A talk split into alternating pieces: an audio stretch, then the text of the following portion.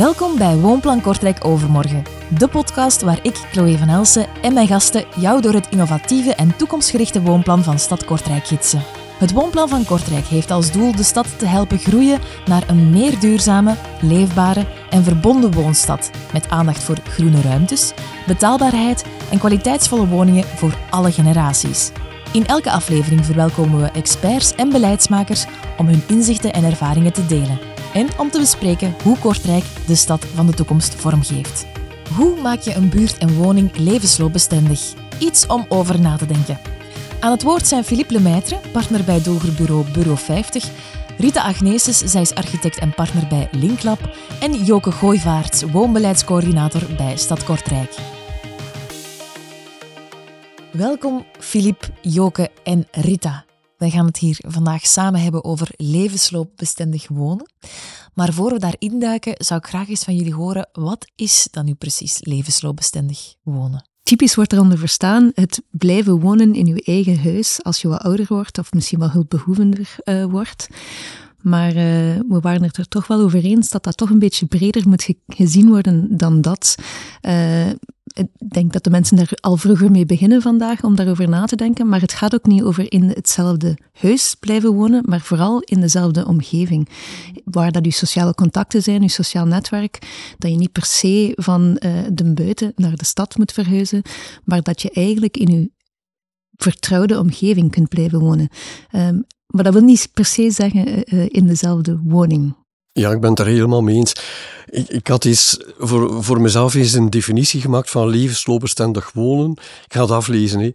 Een levensloopbestendige woning is afgestemd op de activiteiten, noden, behoeften, gezinscontext, levensstijl en mobiliteit van een oudere bewoner op het vlak van grote comfort, design en veiligheid.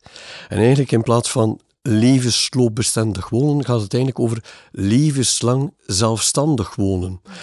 En dat is eigenlijk de behoefte die we hebben. We willen levenslang op eigen benen staan.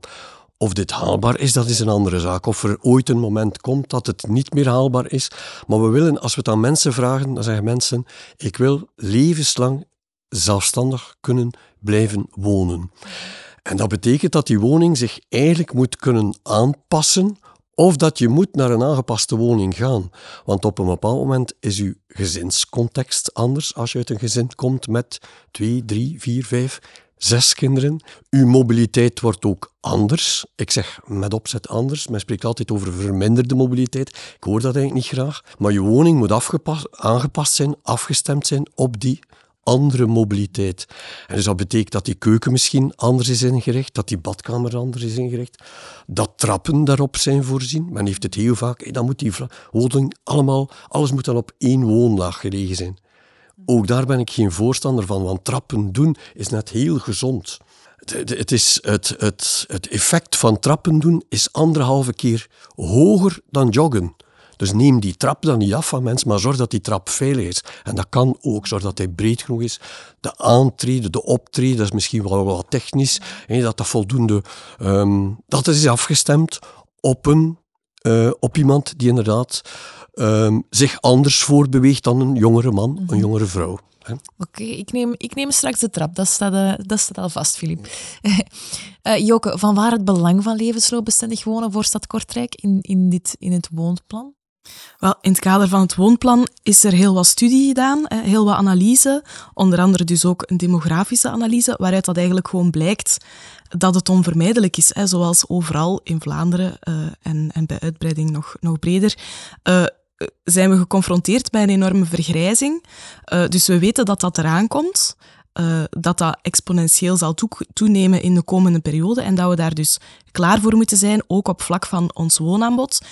En dat gaat inderdaad verder dan de woning op zich. Dat gaat eigenlijk over buurten uh, die over verschillende types woningen moeten beschikken, zodat er levenslang een woning kan gevonden worden die aangepast is aan uw noden op dat moment in de buurt waar je graag woont en waar je netwerk zich bevindt. Mhm. En die noodzaak is er dus gewoon, dus het is nu de moment om daar dringend uh, mee van start te gaan. Ja, En dat doen jullie dus ook duidelijk met dit, uh, met dit plan.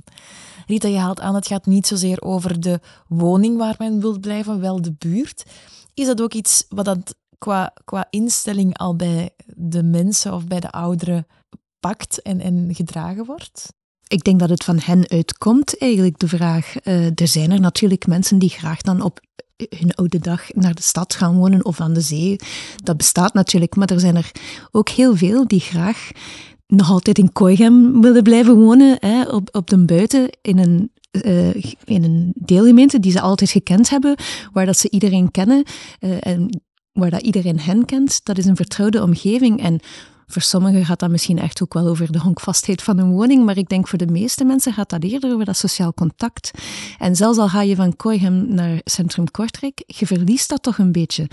De buurman kan misschien niet meer uh, de post gaan halen of de, de boodschappen gaan doen. Uh, je hebt minder dat sociaal controle als je een keer iets tegenkomt ja, de mensen hebben dat wel graag. En ik, ik vind dat normaal ook, eh, dat het, ja, sommige mensen niet. Sommige mensen hebben graag de anonimiteit van een stad.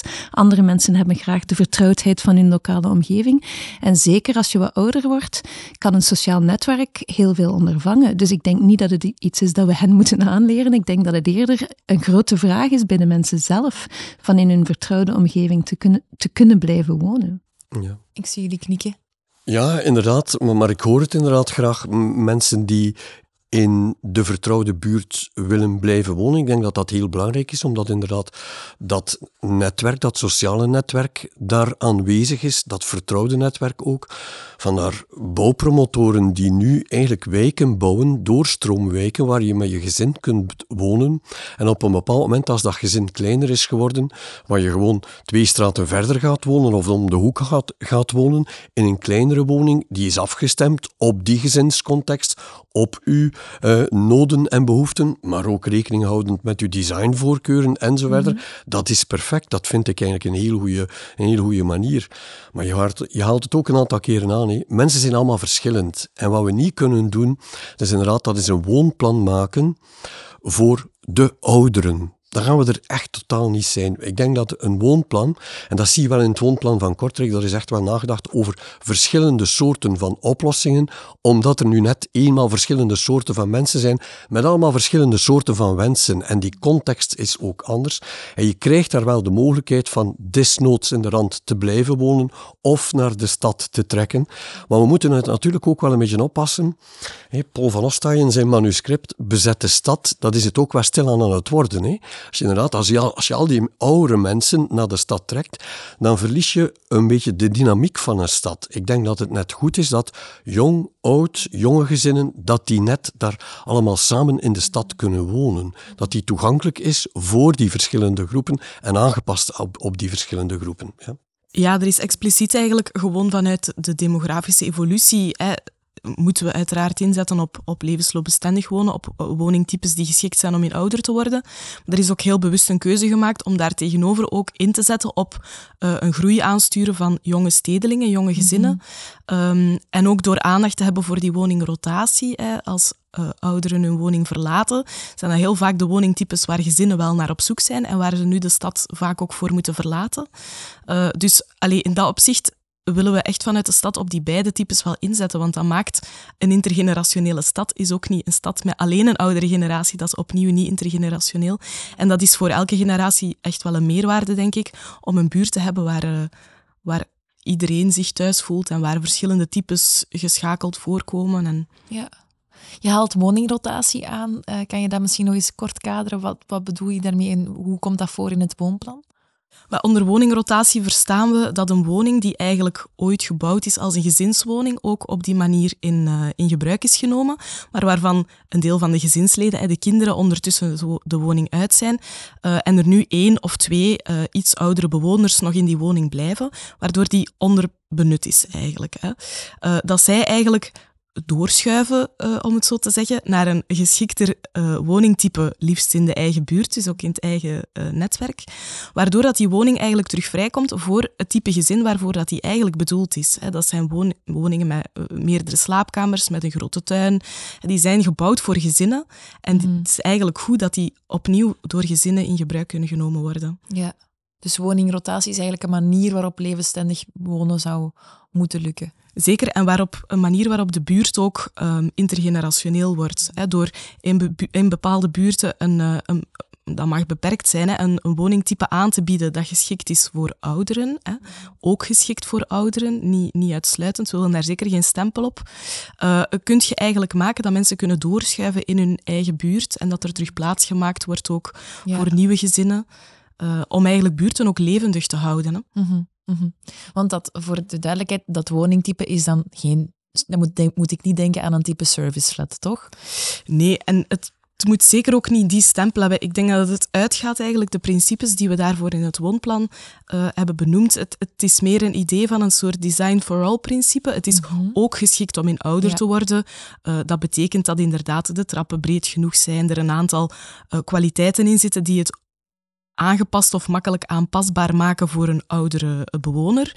Maar wat eigenlijk niet wil zeggen dat het niet even geschikt kan zijn voor bijvoorbeeld een, eh, een alleenstaande in een andere levensfase of een, mm -hmm. of een jong koppel bijvoorbeeld. Het gaat -hmm. over een, een, compacte woning die een aantal kwaliteiten bezit, uh, maar zeker niet met de stempel zorgflat of, of uh, dat soort dingen. We merken ook bij mensen dat dat dan een enorme drempel is. Mensen willen niet, niet naar de serviceflats, wel naar een, een leuk uh, appartement dat toevallig ook uh, heel goed bereikbaar is. En te begrijpen ook. Ik denk ook dat we moeten onderscheid maken tussen, als we het hebben over woningen van ouderen, dan gaat het heel snel over assistentiewoningen, dan gaat het heel snel over woonzorgcentra. Mensen leven langer en, en eigenlijk is er ja, een beetje ongemerkt een vierde levensfase bijgekomen. Maar niet op het einde, wel voor die laatste levensfase, waarin dat mensen, de zestigers, zeventigers, maar zelfs tachtigers, eigenlijk nog wel heel actief zijn, tot, ja, tot, tot zelfs vrij gezond en nog, nog zelfstandig kunnen wonen en her en der wat hulp moeten inroepen. En dan zie je wel dat die woning daarop moet afgestemd zijn, wat er heel vaak een drempel is en waarop een woning niet is afgestemd, dat is bijvoorbeeld de badkamer. Dat is het eerste wat mensen ook gaan, gaan aanpassen. Het bad eruit en wordt dan vervangen door een inloopdouche. Dan wordt er her en der nog een handgreep geplaatst. Dat is perfect. Dan zou je eigenlijk ook kunnen zeggen, is die badkamer in, die, in dit geval ook niet aangepast aan een jong gezin? Dat zou kunnen je, ik hoor het je graag vertellen, design for all. Maar als je van dit principe uitgaat, een woning die is aangepast aan iemand die inderdaad al wat minder mobiel is, om het nu toch maar eens te, te gebruiken, het woord, hè, is die woning dan onaangepast voor een jong gezin? Als dan nu een, een neem nu bijvoorbeeld een vaatwasser die op de grond staat. En als je al eens een pijnlijke rug hebt gehad, dan weet hoe vervelend dat het kan zijn om die onderste, land, uh, die onderste mand leeg te maken. Ik zie je knikken, hè, dus je bent er al mee geconfronteerd geweest. Nu uh, plaatst men de vaatwasser een 20, 30 centimeter boven de grond. Hè.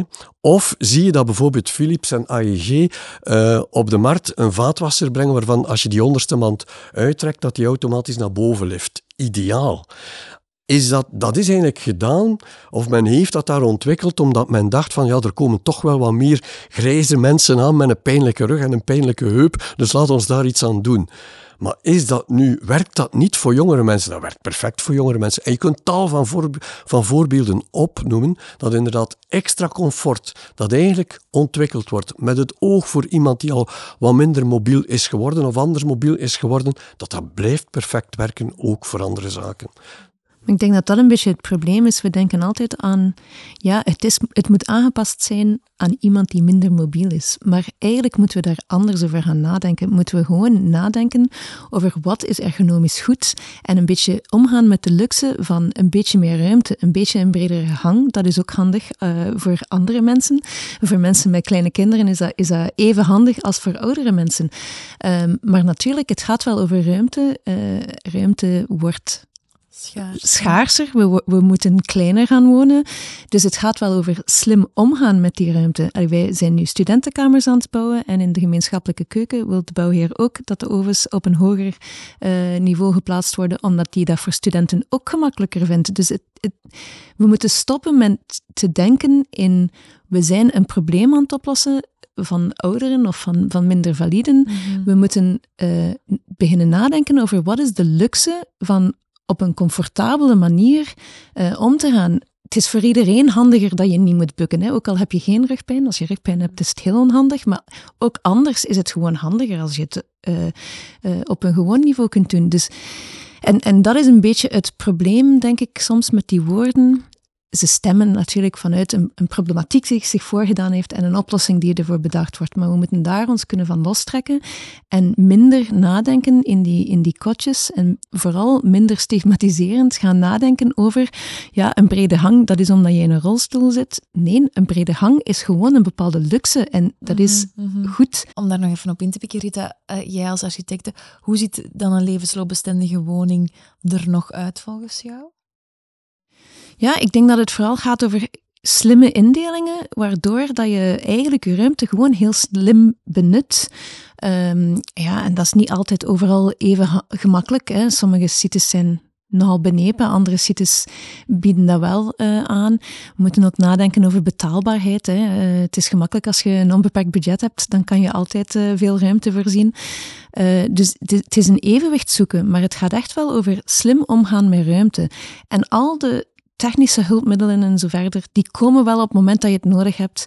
En voor de ene gaat dat iets anders zijn dan voor een andere. En een jong gezin heeft misschien wel graag een bad, want dan kunnen de kindjes daarin. En later wordt dat dan een douche. Dat is allemaal niet zo'n probleem. Maar de ruimte moet er wel al voor voorzien zijn. Als je al moet beginnen kappen in muren en wat dan ook allemaal, dan wordt dat een dure bediening.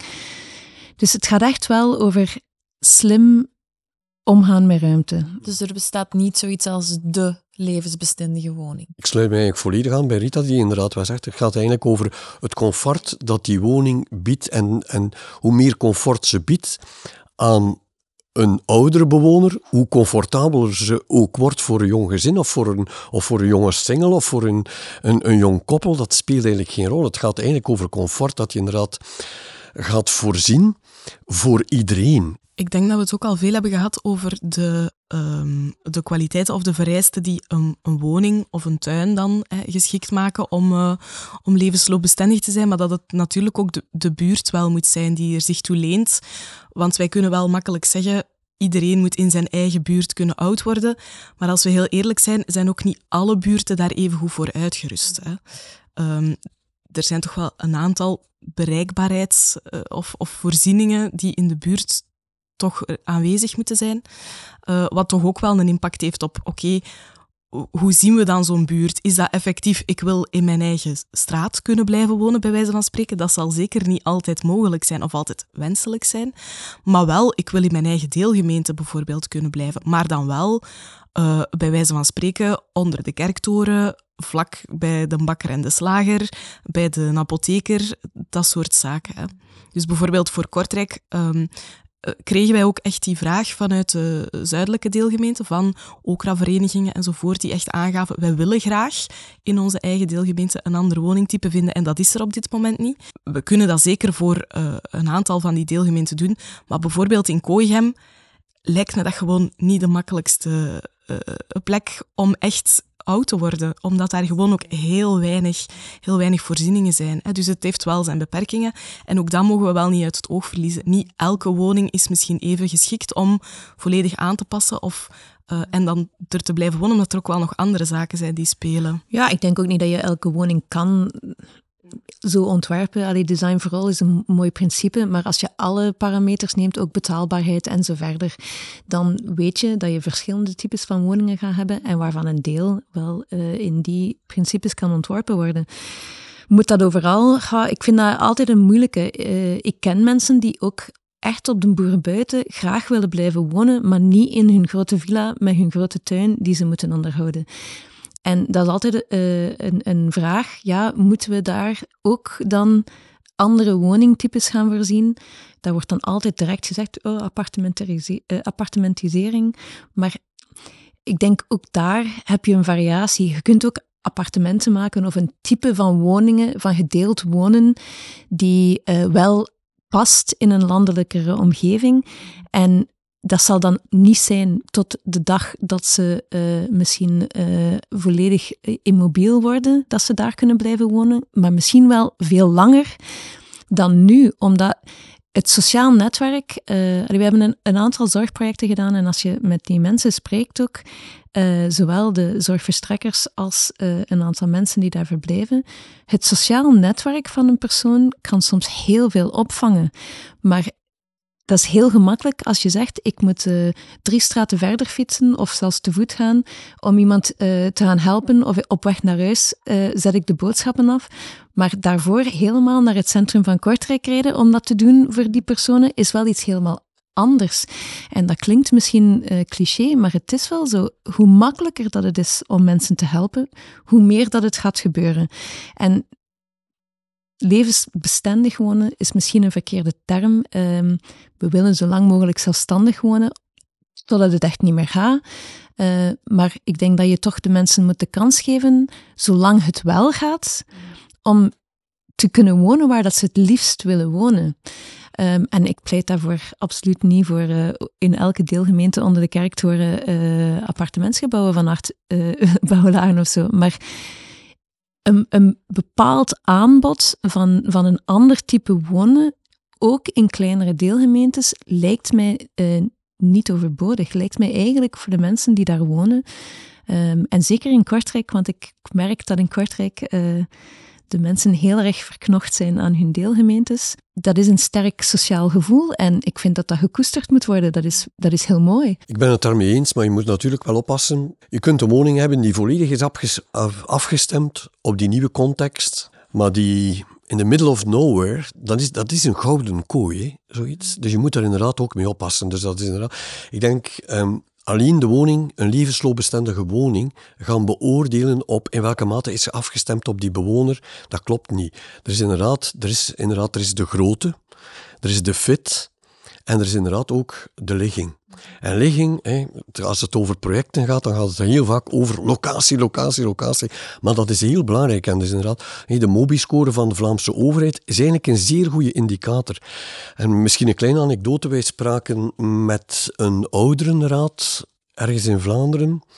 En wij vroegen daar, um, als wij nu de MOBI-score zouden hanteren om als, als basis voor is uw woning goed gelegen. En de MOBI-score, onder andere de aanwezigheid van scholen, zitten daarin. En wij hadden eigenlijk voorgesteld, dat zijn nu vijf parameters. Ik ga ze niet allemaal uit het hoofd, ga eens proberen. Dus inderdaad, uh, aanwezigheid van uh, winkels, aanwezigheid van uh, geneeskunde, dus zorg, ehm, openbaar vervoer, cultuur en de vijfde is inderdaad zijn scholen. Dat zijn de vijf parameters. Toch vijf op vijf. ja, toch vijf op vijf. ja.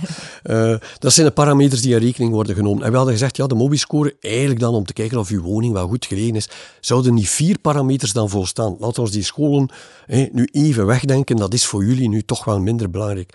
En de mensen zeiden, nee, nee, nee, die scholen moeten blijven, want dat zorgt voor een dynamiek in de wijk. En dus dat is inderdaad wel, dus die MOBI-score is echt wel een heel handig instrument. En dan moet je inderdaad nog wel, de vraag wordt dan altijd gesteld, bankkantoren nu. Eh, dat is een heel eigenaardige. Als, als men onderzoek doet naar wie gaat er naar de bank, dan gaan er nauwelijks mensen naar de bank. En ook zelden of nooit ouderen. Er is een bepaalde groep van mensen, en niet noodzakelijk ouderen, die naar de bank gaan. Naarmate dan men ouder wordt, is de kans wel groter dat men naar de bank gaat. Hetzelfde met geldautomaten. Ze wordt dus altijd daarop aangegeven dus dat die moeten aanwezig zijn. Geldautomaten, banken, dat zal op termijn gaat dat wel verdwijnen uit de stad, omdat we anders daarmee omgaan. Dus dat is voor een stuk aan het, aan het evolueren. Maar die andere zaken, de aanwezigheid van inderdaad van winkels, winkels zorgen voor sociaal contact. Ik heb ooit onderzoek gedaan in Harelbeke in de Lidl. Uh, uh, Lidl in Harelbeke. En toevallig kwam ik daar op een woensdagmorgen en rond een tafeltje zaten daar mensen koffie te drinken. En een aantal weken na elkaar ben ik daar op woensdag voormiddag geweest door omstandigheden. En elke keer zag ik daar diezelfde mensen rond de tafel zitten. Ik ben daar eens gaan bij zijn en gevraagd van, spreken jullie af? Nee, maar dat is toevallig gegroeid en nu zijn we hier elke keer woensdag voormiddag en komen we hier koffie drinken en doen we onze boodschappen. De Lidl is een ontmoetingsplaats voor blijkbaar mensen die anders eenzaam zijn. Dus dat is inderdaad, winkelen is heel belangrijk voor sociaal contact. Nee, je ziet dan inderdaad de slow kassas en, en, en de kassa waar je kunt een babbeltje slaan enzovoort. Ja. De kletskassa die er dan komt. Maar zie dus de aanwezigheid van winkels, dat zorgt inderdaad voor sociaal contact ik volg dan wel u ook als ze zegt, ja, in bepaalde randgemeenten is dat moeilijk omdat die voorzieningen er niet zijn. Maar je moet daarmee opletten, vind ik, want dat is eigenlijk een self-fulfilling prophecy. Hè? Als er geen mensen meer zijn die die voorzieningen gebruiken, dan gaan die voorzieningen weg. En als het alleen jonge tweeverdieners zijn die ergens anders gaan werken en die alleen daar thuiskomen, die doen daar hun boodschappen niet. Allee, tot op een bepaald niveau, ook in kleinere kernen, uh, begrijp ik wel dat mensen toch op zoek zijn om in hun uh, vertrouwde sociaal... En niet iedereen die ouder wordt is per se slechte been of, of per se uh, hulpbehoevend. Hè. Ik ken een paar heel kranige oude mensen die uh, toch wel graag in hun gemeente willen blijven wonen, die niet zo heel veel hulp nodig hebben, maar die niet per se een tuin, een grote tuin en een grote villa willen blijven onderhouden. Maar we moeten wel opletten als we nu plannen aan het maken zijn. Allez, met alle respect voor iedereen die in eh, ons vak bezig is, maar de doorlooptijden voor projecten zijn uh, soms uh, bijzonder lang. we, zijn, we moeten opletten dat we de fout niet maken om nu te ontwerpen voor de ouderen van vandaag. We zijn aan het ontwerpen voor een generatie die al veel andere eisen heeft mm -hmm. dan de mensen die op vandaag die leeftijd hebben. en hoe verschillen die eisen volgens jou? Ja, uh, we zien dat ook in, in de zorgprojecten die we doen. De eisen worden steeds hoger. Uh, de mensen hebben veel meer uh, verwachtingen uh, naar persoonlijk comfort. En niet aan, nu zijn het vooral eigenlijk de kinderen van de ouderen die verwachten dat iedereen zijn eigen badkamer heeft, bijvoorbeeld op een zorgkamer. Vroeger was dat niet de gewoonte. Heel veel van die badkamers worden niet gebruikt of nauwelijks gebruikt. Maar um, de, de kinderen van de ouderen van vandaag kunnen het zich niet inbeelden dat ze hun moeder of hun vader in een uh, kamer gaan zetten uh, zonder een privébadkamer. Die mensen gaan zelf zeker nooit willen uh, ergens naartoe gaan waar dat ze die luxe niet hebben. We, zijn een bepaalde luxe gewoon. Ik denk de Vlaming is vooral de luxe van veel ruimte gewoon. Wij wonen groots. wij hebben veel privacy, grote tuinen. Um, toch op het moment dat je ervoor kiest.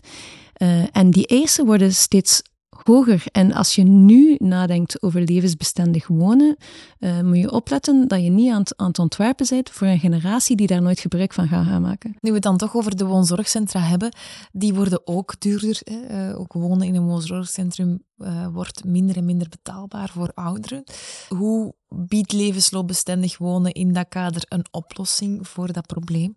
De betaalbaarheid daarvan is heeft minder te maken met de woonvorm dan met de zorg die eraan gepaard gaat. Dat ook gewoon veel geld kost als je kwalitatieve zorg wil geven. Um, en daar is een beetje een discrepantie tussen eh, de budgetten die beschikbaar zijn en, en de uh, kwaliteitseisen die we verwachten. Uh, maar wat je wel ziet, is in, in assistentiewoningen en zo verder. Ik zie veel uitbaters van assistentiewoningen de omgekeerde beweging maken. Hun assistentiewoningen zien er veel minder uit als assistentiewoningen en veel meer uit als private appartementen. En om, dus ik denk dat je uh, eigenlijk een beetje die, die grenzen moet proberen te vervagen uh, en gaan naar een, een type van woning, misschien die dichtbij een woonzorgcentrum is, waardoor dat je, als het eens een keer nodig hebt, zorg kunt afnemen, maar zonder dat je een constante uh, kost hebt voor zorg die je misschien niet gebruikt. En dat moet veel flexibeler naar de toekomst toe. En dat is misschien in, een aan, eh, in Nederland hebben ze dat, aanleunwoningen noemen ze dat dan. Dat zijn eigenlijk gewoon woningen waar dat je woont, maar in de buurt van een, een zorgverstrekker. Um, een doorgedreven vorm van thuiszorg uh, eigenlijk, omdat het dichtbij is. Um, maar nu is het of het een of het Ofwel woon je zelfstandig, hè, ofwel uh, woon je in een zorgvoorziening. Ik denk dat die grenzen moeten vervagen en dat we juist meer naar geïntegreerde woonprojecten moeten gaan. Ja, ik denk het aanbod voorzien in, in uh, kamers in woonzorgcentra of, of echt in, in zorgflats of zo, voor het aantal ouderen dat, dat er zal zijn, is enerzijds heel moeilijk, hè, omdat dat echt over grote aantallen gaat. Anderzijds willen ook weinig mensen dat. Inderdaad, mensen willen niet in een, in een zorgvoorziening, tenzij dat het echt moet. Dus ik denk dat dat sowieso niet de oplossing is. Niet, niet de meest haalbare oplossing en ook niet de meest wenselijke oplossing. Dus ik denk dat de oplossing inderdaad eerder zit in uh, types uh, die geschikt zijn voor ouderen, die inderdaad goed gelegen zijn, ergens op een plek waar er, als het nodig wordt, makkelijk zorg geraakt, uh, makkelijk uh, mensen in de buurt zijn om, om, om te helpen waar nodig, maar die achteraf ook inderdaad perfect terug inzetbaar zijn als een woningtype voor een ander gezinstype of voor een andere persoon. Ja, en dan komen we weer bij het, bij het feit dat de buurt enorm belangrijk is voor zo'n levensloopbestendige woning. Misschien nog Eén laatste vraag aan jou, uh, Joke. Um, waar ziet Stad Kortrijk die levensloopbestendige buurten dan? Is dat dan overal of zijn er bepaalde locaties die jullie in gedachten hebben? Ik denk in principe dat het sowieso het stadscentrum is daarvoor geschikt. De, de verstedelijkte kernen noemen wij dat dan, van Marken, uh, Heulen enzovoort, die zijn heel goed voorzien. Uh, die zijn daar zeker ook voor geschikt. Maar wij hebben ook expliciet wel de vraag gekregen en, en wij merken dat ook die signalen vanuit de meer landelijke deelgemeentes, dat daar ook een nood is. En dat gaat een beetje in tegen het ruimtelijk beleid dat daar lang is gevoerd, van daar net geen appartementen te bouwen en heel hard het behoud van het type woning dat daar bestond uh, aan vast te houden. Uh, terwijl dat we dat nu toch eh, gaan moeten lossen. Hè? Want we moeten wel echt uh, ja, zorgen dat we klaar zijn voor de bevolking van de toekomst, inderdaad, en niet gewoon voor de mensen die daar nu wonen. Um, dus ook daar moet dat wel mogelijk zijn. Maar zoals ik al zei, dat is een beetje zoeken naar een evenwicht tussen hoe ver reikt de buurt die, waar mensen zich mee identificeren. Um, en in die rijkwijde is het dan zoeken naar de meest ontsloten of voorziene locatie. En dat is dan, wij zien dat dan concreet in het, echt het centrum van die, van die uh, zuidelijke deelgemeente. Um, dus echt bij wijze van spreken op het dorpsplein of daar rond, op wandelafstand daar rond. Um, dus natuurlijk niet in een, in een lintbebouwing ergens uh, in the middle of nowhere. Uh, dat is een, een, evenwicht inderdaad te zoeken. Hè. Wat niet wil zeggen, want als mensen echt in Kooigem uh, super op de buiten willen blijven wonen en daar ook willen oud worden, hun woning daar volledig willen aanpassen, dan mag dat. Hè. Er is niemand die zegt dat dat mag niet meer, maar beleidsmatig daarop inzetten is niet de juiste keuze, denk ik. Dus vanuit het beleid zetten we in op als je dat wil, in de eigen buurt, dan moet dat kunnen. Maar dan gaan wij daar wel uh, naar streven om dat aanbod te voorzien op de meest geschikte locatie dan. Eh, ook met andere zaken dan in, in gedachten houden. Eh, gewoon ook qua ruimtegebruik en zo. Wat is de meest geschikte locatie? Um, dus daar spelen een aantal andere dingen die je vanuit een beleidsmatig standpunt natuurlijk meeneemt. Mm -hmm. Ja, ik denk dat het ook logisch is dat je zegt van als er al uh, iets van een appartementstype, want dat zullen wel geen traditionele appartementen zijn, toegelaten wordt in de kern van zo'n landelijke deelgemeente, ja, dan mag je daar als stad denk ik wel wat, wat eisen aan stellen. Dan moet het wel een design for all appartement zijn waar dat juist die doelgroep ook in terecht kan. Als het dan is kleine studio's met uh, nauwe hankjes en, en zo verder, ja, dan is dat gewoon uh, vanuit een financieel oogpunt en niet vanuit het idee van we willen hier mensen de kans geven om, om hier te blijven wonen. Dus ik, ik begrijp wel dat dat uh, een andere manier van kijken is naar zo'n projecten. Uh, en dat moet ook niet uh, heel, heel de dorpstraat volgebouwd worden, maar een beperkt aanbod lijkt mij echt wel in te gaan op een, op een concrete vraag die er is vanuit de bewoners en niet zozeer vanuit de promotie of de, of de ontwikkelaars. Oké, ik ben heel benieuwd om het te zien waar worden in de toekomst. Dank jullie wel voor het boeiende gesprek, Filip. Rita en Joke. Uh, ik onthoud ook nog, met de trap gaan is anderhalve keer beter dan joggen. Oké. Okay. Dank jullie wel. Bedankt om te luisteren naar deze aflevering van Woonplan Kortrijk Overmorgen. We hopen dat je hebt genoten van de boeiende gesprekken en inzichten. Vergeet niet om je te abonneren en de podcast te delen met je vrienden, familie en collega's. Zin in meer? Schrijf je in voor Vastgoeddag Kortrijk op 22 juni en zak nog dieper in de thema's van wonen in het Kortrijk van overmorgen. Meer info op kortrijk.be-vastgoeddag. Tot de volgende keer!